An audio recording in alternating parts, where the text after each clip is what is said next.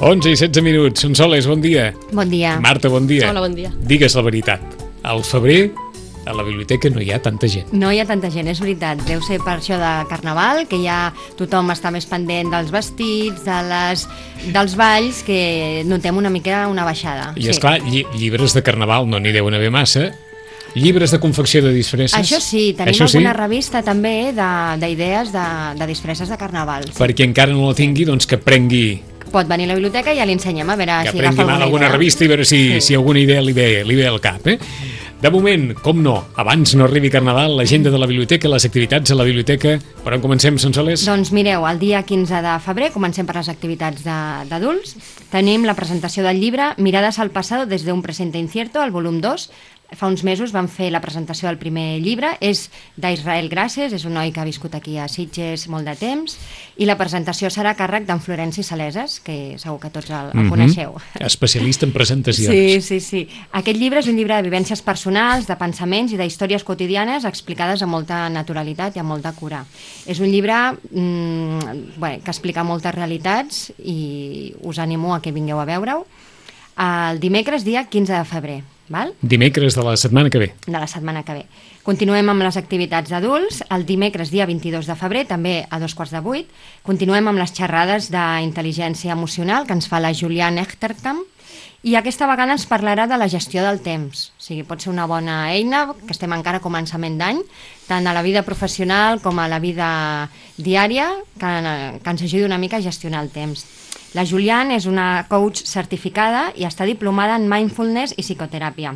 És una gran professional i les seves xerrades estan tenint molt, una gran acollida a la biblioteca, són molt interessants. Ens ho vas dir des del primer Mm. sí, dia, eh? Sí, Més sí, o menys. sí, continuem igual, eh? no hi ha hagut cap baixada més, ve gent diferent a totes les xerrades, o sigui que, que és un tema Que atractiu. interessa. Sí. Continuem amb les, amb les hores del conte. Aquest divendres tenim contes d'amics amb la Ingrid Domingo. Eh, recordem que mm, les, eh, els contes que es fan els divendres són per nens a partir de 3 anys i l'hora és a dos quarts de 6 de la tarda. La Ingrid ens diu que hi ha amics que estan destinats a ser-ho com el llapis i la goma. També hi ha amics que no haguéssiu dit mai que ho serien. Creieu de debò que un llop i una ovelleta poden ser amics, per exemple? Doncs, si voleu saber què ha passat amb el llop i l'ovelleta, veniu a la biblioteca. Després, aquest dissabte, a les 11 del matí, continuem amb hores del conte que tenim per nadons, especial per, pels més petits de la casa, que també era una demanda que estava... Allò que va començar d'una forma Sí. tímida i ara em sembla també que cada vegada... De moment ho fem una vegada al trimestre. Ahà. Si tot continua com ara i podem, ens ho podem permetre, ho farem més vegades. D'acord, perquè està funcionant bé. Està funcionant molt bé, sí. És pels més petits, és de, més aviat per nens de 0 a 3 anys, pot venir algun una miqueta més gran, perquè aquests contes tenen eh, música, tenen, és molt visual, llavors és molt atractiu pels més petits. D'acord. I serà 0 a aquest- 3 anys, eh? Uh -huh. Aquest dissabte, eh, el dia 11, a les 11 de, del migdia. I després, el, com dèiem abans, el dia 17 de, de febrer, tenim un conte de Carnestoltes. Ja, com és Estarem en el divendres anterior al dijous gras, sí, o sigui que... Sí, sí.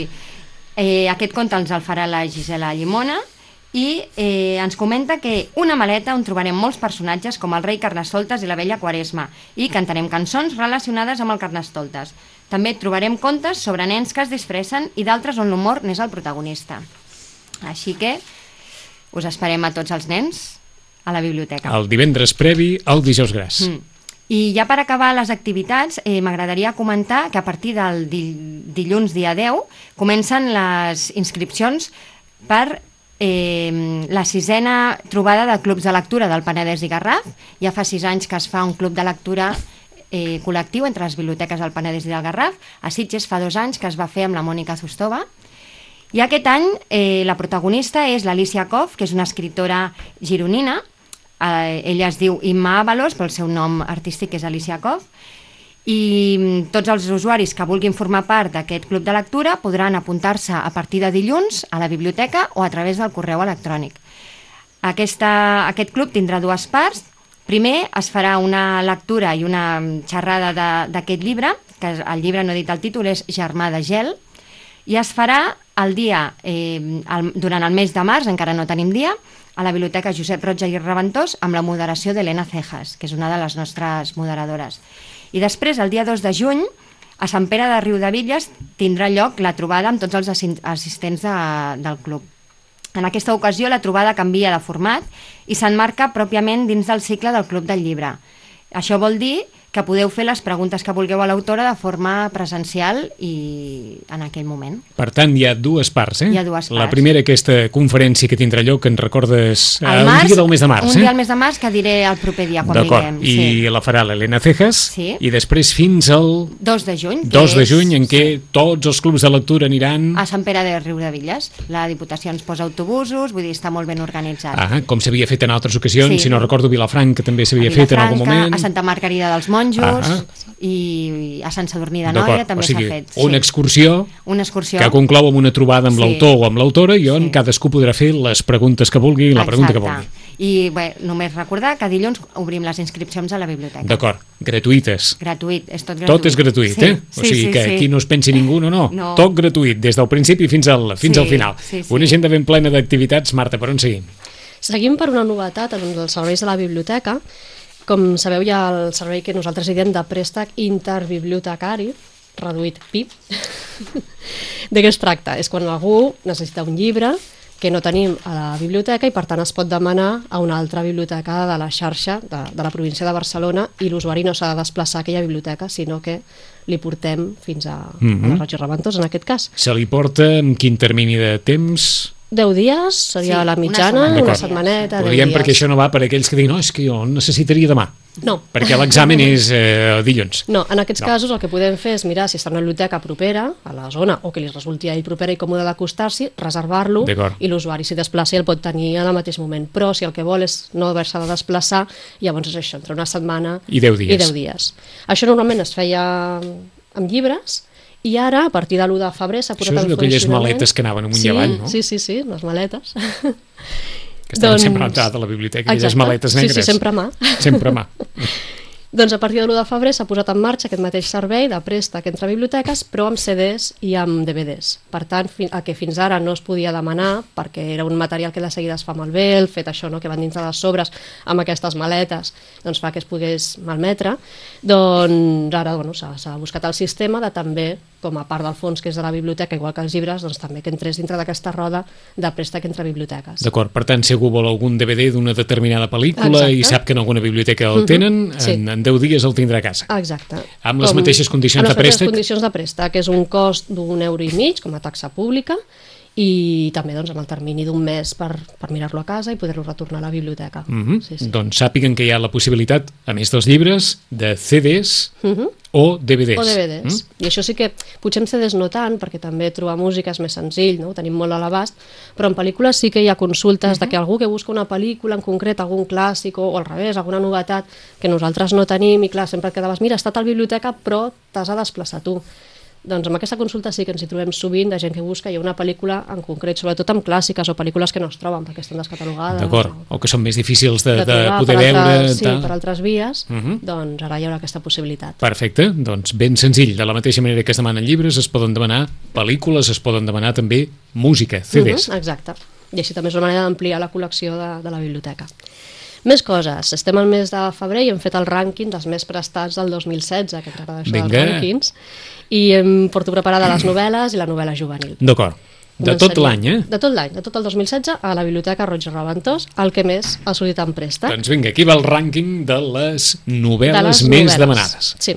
En el número 10 tenim una novel·la de Donna Leon, una dels clàssics de novel·la negra, i el títol és Sang o Amor. Ha tingut 16 préstecs. Si contem que els llibres es poden tenir com a màxim un mes, doncs ha sortit com més d'un cop al mes Mhm. aquesta novel·la. Uh, empat amb, amb, de, amb el número 10 hi ha també Los besos en el pan de la Mudena Grandes i Un millón de gotes de Víctor del Árbol. En el número 9 tenim un autor que hem recomanat diferents vegades aquí mateix, que és en Pierre Lemaitre, un autor Sí. francès. Té una trilogia molt bona i un d'aquests de, de, dels llibres que formen part d'aquesta trilogia està en el número 9 i és Àlex. En el número 8, Una altra novel·la, mm, no negra, però seria entre, barreja entre humor i thriller escandinau. L'autora és la Mina Lindgren i el títol és Tres abuelas y un cocinero muerto. Aquí l'acció ens situa en, en una residència d'avis i són tres amigues residents d'aquesta residència que es pensen doncs, que la seva vida ja acabarà això, no? entre partida de cartes, passejades pel mm -hmm. jardí, visites a funerals, aquestes coses. Però I resulta que a la inesperadament- residència inesperadament es comencen a produir una sèrie de misteriosos assassinats i aquestes tres senyores intrèpides doncs, es voldran solucionar. Tres abuelas y un cocinero Era muerto.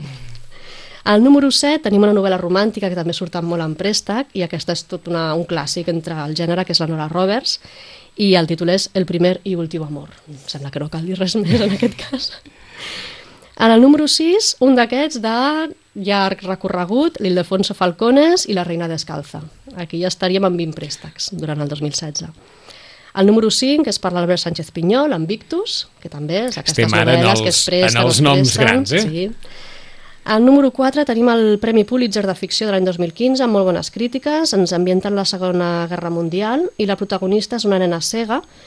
És una història molt bonica, no és la típica d'històries de guerra, encara que estigui ambientada en aquesta època.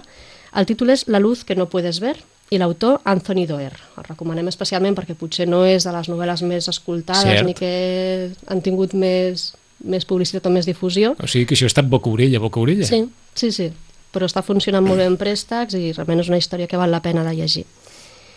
En el número 3, la Isabel Allende, una altra de les grans, amb l'amante japonès, amb 29 préstecs. En el número 2, repeteix en Pierre Lemaitre, amb el vestido de nòvia, també una història d'aquesta que és de les primeres pàgines enganxa i després la història fa un gir que tu capgira tot el que tu et pensaves de cop i volta és com tornar a començar una altra novel·la i això doncs també atrapa molt, no? perquè ja vas atrapada des del principi quan arribes per la meitat, pam, una altra vegada et descol·loca, per tant eh, està la número 2 I la novel·la més demanada l'any 2016 a la Quina biblioteca, diries?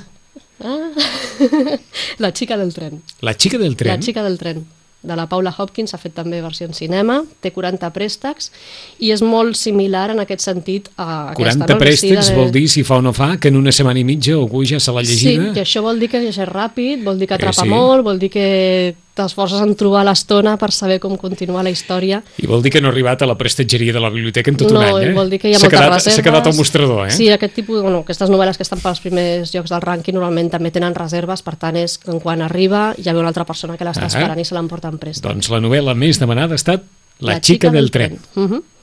I amb novel·la juvenil farem només 5. Al número 5 hi ha empatades i a Harry Potter, que ens fa il·lusió que Harry Potter es mantingui, sempre és una, una història que, que enganxa i que es continua llegint, i en aquest cas és Harry Potter i el prisionero d'Azkaban. Un altre, que també estaria en aquest número 5, és un títol llarg i també ens indica de què va la història. Ser yo es un asco. Las verdaderas confesiones de Mina Hamilton, posible vampiro adolescente. Tot això és el títol eh, i està amb set préstecs. Ens havies dit en algun moment que les històries sobre sobre vampirs, sobre així, amb amb un punt gòtic, tenen molta tirada, eh? Mhm. Sí, va venir tota aquella sèrie de Crepúsculo que va ser tot un èxit i a partir d'aquí doncs, s'han enganxat d'altres. Aquí em fa gràcia perquè la protagonista es diu Mina, com la, la protagonista de Dràcula, per tant Sí. és, ja també es diu coses. I el número 5, el Principito, el petit príncep, que perquè és lectura obligatòria, perquè és un clàssic, perquè es fan obres de teatre, perquè són aniversaris del Petit Príncep, per mil raons, sempre també surt molt en préstec, perquè és una història que no passa mai de moda i que la rellegim o la, la Mhm. recomanem als nostres fills o sempre està en aquests primers llocs. El petit príncep. Mhm. El llibre, ja ho saben que aquesta setmana també han sabut que és el llibre de referència d'Artur Mas. Tanco parèntesi. Mal que sigui per allò de dir pares, si algú s'hi vol, vaja, si algú en té curiositat, més enllà de la serp que es menja, etc. doncs ja ho saben, el petit príncep. Mhm. En el número 4 no està escrita a les estrelles, d'en John Green. Uh, aquest és la segona part d'una altra novel·la que també ha tingut molt d'èxit. Eh, parla d'un- d'una malaltia, d'un tumor, i de com es, es, es Com bueno, abordar-ho, com- com, com abordar-ho, sí, bueno, com una relació doncs, també es va afectada per aquest tema. Caram, sembla mentida que en literatura juvenil Sí, eh, també aquests són temes també temes, puguin aparèixer, eh? Sí, també, són aquests temes més durs, més reals, però que als joves també els interessen i, i també doncs, llegir històries d'aquestes els hi fa també entendre coses i coses que passen al seu voltant. També. Ahà. En el número 3 tenim Wonder, de R.J. Palacio. Eh, és la història d'un noi, d'un nen, un adolescent, que ha nascut amb, amb un... Bueno, que té la cara molt, molt, molt diferent de la resta de persones. No és que sigui lleig, sinó que les seves faccions són totalment com desfigurades. Clar, tot això, doncs, amb la, la, la seva relació amb els companys d'institut, amb la seva relació amb els seus pares, doncs, evidentment, afecta. És un llibre que també enganxa moltíssim, i ho dic per experiència, durant una Sí, noia que no sí. li agrada llegir, i amb aquest es va enganxar moltíssim. I li vaig dir, mira, ja no podràs dir que no t'agrada llegir. llegir. Podràs dir que no t'agraden certes novel·les, però aquesta t'ha agradat i t'ha enganxat. O Per sigui tant, que va quedar literalment sí, presa amb del aquesta llibre. Eh? sí, és una, una nena que no s'enganxa amb històries de ficció i aquesta li va, li va arribar moltíssim. Per Wonder. Tant, sí, la recomanem també en aquests casos. No, Ah. no m'agrada llegir, doncs provem amb aquesta. I ha funcionat. Ha funcionat i a part és tota una col·lecció. A partir d'aquest protagonista hi ha altres llibres amb els seus companys, amb... és tota com una, una col·lecció amb, amb aquest noi, d'aquest protagonista. En el número 2 tenim un llibre de l'Anna Alcolea que es titula El medallón perdido. És una història més d'aventures, passa a l'Àfrica i bueno, doncs hi ha aquest misteri al, al, al voltant d'aquest medalló. I el llibre més demanat en literatura juvenil I ha el llibre estat... més demanat també és un dels grans clàssics, d'un autor amb molta producció, també, no sé si és el cas, però també a vegades acostuma a ser de lectura obligatòria, i això també fa clar que, que pugin en el rànquing, però és molt recomanable. És un llibre de l'Andreu Martín i és Flanagan de luxe, el Flanagan, aquest detectiu que també li passen mil aventures, que té tota una col·lecció, per tant, si a algú li agrada un llibre del Flanagan, pot seguir amb altres, amb altres misteris a resoldre, i aquest ha tingut 13 préstecs en tot el 2016, que per novel·la juvenil És molt, eh? és molt, és molt. Perquè... Andreu Martín, que és un altre referent. Sí, sí, sí, de la literatura per, per nois i noies, i aquest personatge, el Flanagan. Mm -hmm. Doncs aquest és el palmarès dels llibres més demanats a la biblioteca tant en novel·les com en literatura juvenil. Per on seguim, Marta? I ja per acabar, Per acabar Eh, he portat un decàleg.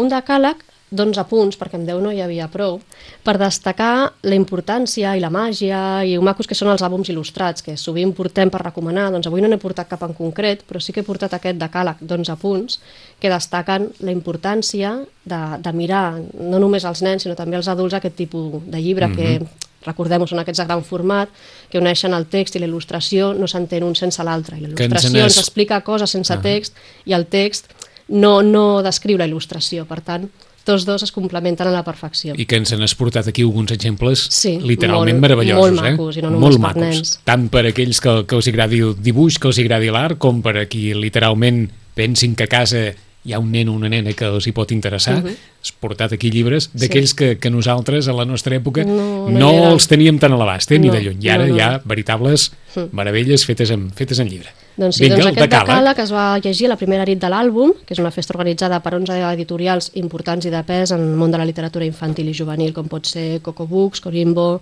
Calandraca, Libros del Zorro Rojo. Eh, doncs en destaco cinc. Vinga, El primer, perquè qualsevol persona, a qualsevol edat, necessita de l'art, de la bellesa, per habitar el món. Perquè quan relacionem text i imatge, desxifrem un codi perfecte, aprenem a pensar, a donar significat, a emocionar-nos. Perquè en passar una pàgina per capbussar-nos en la següent es desperta la nostra imaginació i en arribar al final sentim el desig de cridar «en vull més!» Perquè si un adult no entén què passa a les pàgines d'un àlbum, el nen li explicarà perquè cal aturar-se a contemplar el món, per reconèixer les pistes i els detalls que amaguen les imatges. Un àlbum il·lustrat atura el temps, et convida a ser reflexiu. I aquestes són només cinc dels sis motius per endinsar-nos en i el tots món són dels... cinc motius de pes. De eh? pes, sí, sí. Acabem, com sempre, amb l'horari de la biblioteca. Per tots aquells que tinguin alguna cosa a fer, encara que sigui febrer i vingui Carnaval i tot això, són soles. Doncs de dilluns a divendres, de 9 a 2 del migdia, de 3 a 2 quarts de 9 del vespre i dissabtes de 10 a 2 quarts de 2. Feu festa per Carnaval? Farem festa eh, dijous gras, uh el dia 23 eh, de febrer tancarem a la tarda, el dia 28 de febrer, que és dimarts, Sí. tancarem també a la tarda, Tarda. i dimecres de cendre tancarem al matí.